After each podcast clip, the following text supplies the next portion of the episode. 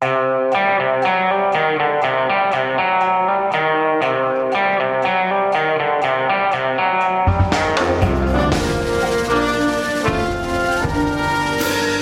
begikk politisk selvmord på talerstolen i Det hvite hus i natt. Dette er Everon Skartveit, og det er tidlig en fredag morgen. Uh, ja, Hanne. Uh, vi har en utfordring nå. Vi skal snakke om den talen Trump holdt i natt uten Prøve å gjøre det uten all den øynerullingen og hyperventileringen og 'dette går da ikke an'-ene vi eh, har ledsaget han med gjennom de fem og et halvt årene vi har Eh, fulgt han. Kan du helt nøkternt si hva det var han eh, gjorde nå litt før klokka ett i norsk tid? Han entret talerstolen i presserommet i Det hvite hus og holdt en tale, eller skal vi si en slags rant, hvor han gikk gjennom alt som var gått han imot, alt han mener har vært av valgfusk, legale versus illegale stemmer. Eh, han sto litt sånn duknakka og, og kom med ene løgnen etter andre. Jeg hørte nå at NBC angivelig hadde kutta talen underveis og sagt at dette kunne de ikke sende, for det var så fullt av løgn løgner. ABC, ABC også. Flere av eh, de store kanalene kutta det ut. Nei, det var en... Jeg syns jo det er litt rart. Ja, jeg synes også men, det er litt rart, men, men det var en veldig selsom opplevelse. Det var, eh, som du sa før vi gikk på her, vi trodde jo ikke at vi kunne bli sjokkert lenger, men det ble vi virkelig nå, begge to, Anders. Ja, og, og noe av det som sjokkerte meg, er at jeg Altså, Trump hadde ikke noe av den arrogante, selvsikre jeg gir av blaffen-holdningen, som, som, kan provosere mange av oss som har vært kritiske til han, og som uh, er så populær blant hans uh, tilhengere. Den der hvor du nærmest ser at han uh, gosser seg over at han nå jazzer opp mediene og demokratene, og at han har det litt moro mens han holder på.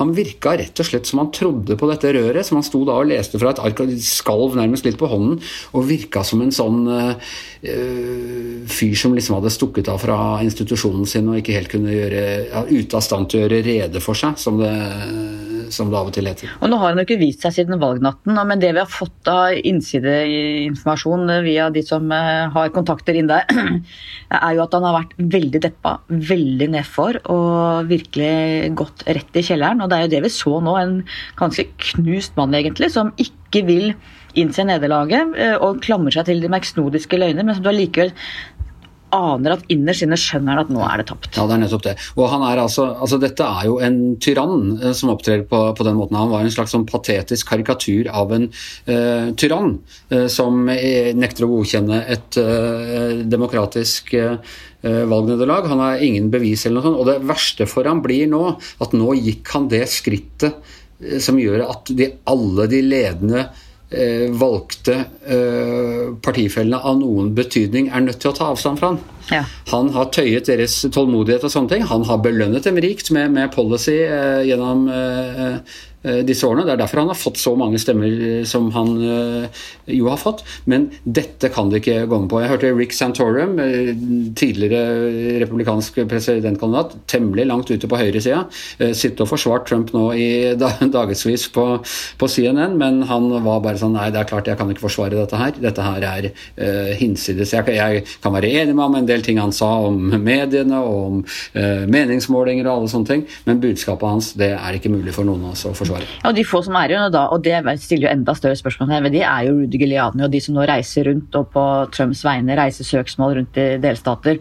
Det er jo med, det har alltid tenkt på det når dette er medhjelperne som gjør Donald Trump mulig, men de blir færre og færre, og de kommer til å få et dårligere og dårligere ettermæle etter dette. Altså. Vi kommer nok til å høre en god del uh, av republikanerne som sier at det presidenten mente å si, og, og det var ikke egentlig det, det var ikke det jeg hørte, og, uh, og sånn. Men, men, jeg tror jo at det det han virkelig gjør, er jo også å underminere sine egne forsøk. For han har jo lovet, varslet diverse søksmål eh, før stemmen i det hele tatt er ferdig telt. Og ved å opptre såpass irrasjonelt, så underminerer han det. For altså, søksmål skal jo kunne begrunnes, og, og påstander skal kunne verifiseres for at uh, domstolene i det hele tatt vil behandle dem.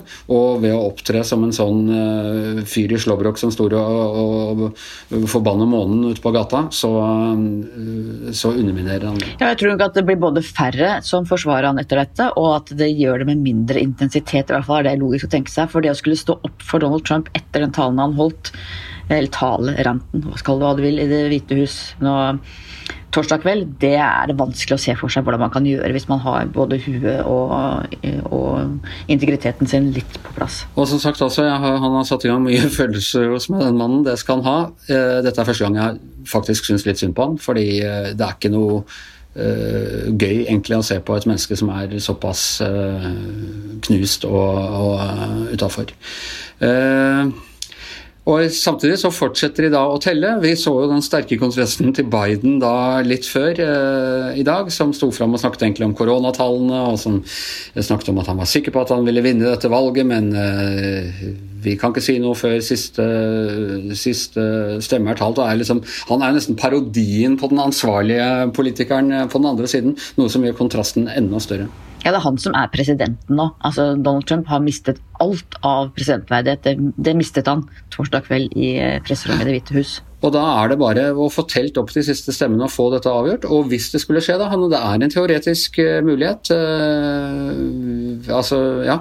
Uh, selv om det er blitt færre. Jeg tror det er nå tre veier som fører til Biden-seier og, og, 27 til, til Nei, tre veier som fører til, um, til Trump-seier og 27 som fører til Biden-seier. Men, men, vi vet at han har slått oddsene tidligere.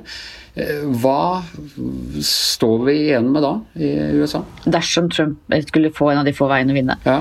Nei, vet du, Anders, Den tanken vet jeg ikke om jeg helt klarer å tenke. For uh, det har vært ille de fire årene som har gått, men etter det vi så torsdag kveld her i USA, så tenker jeg at det er Nei. Det kan bare ikke skje. Um, vi, jeg sa med en intensjon at vi ikke skulle bare hyperventilere og rulle med øynene. Jeg har litt følelsen av at det er det vi har gjort. ja, men det var en sjokkerende opplevelse, Anders. Vi må jo kunne si det. At ja, det, var, helt ja, Jeg trodde var. ikke det jeg så.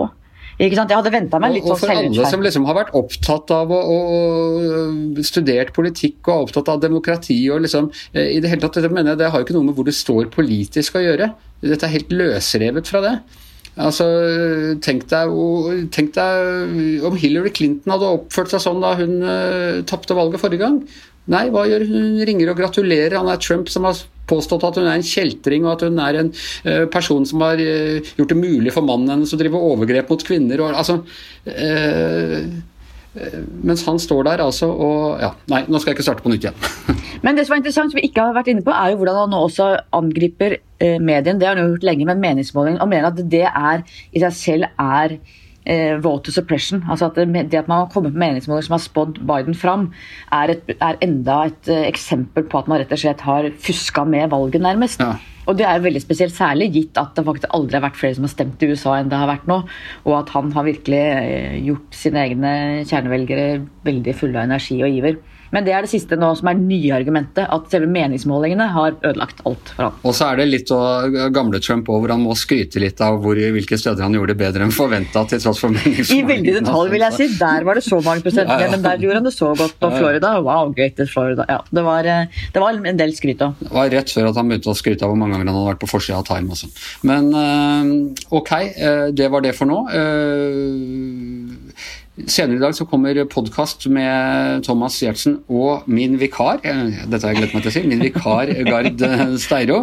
Eh, vi er vel tilbake igjen hvis eh, store ting skulle skje, Hanne. Dette er jo spesielle tider. Og, vi venter jo at i løpet av morgendagen så kan presidentvalget bli avgjort. Det kan bli avgjort. Ikke sikkert, men det kan, og det må vi håpe. Det, må, det hadde vært godt å få det over før helga. Det tror jeg hadde vært bra for alle, ikke minst for Donald Trump.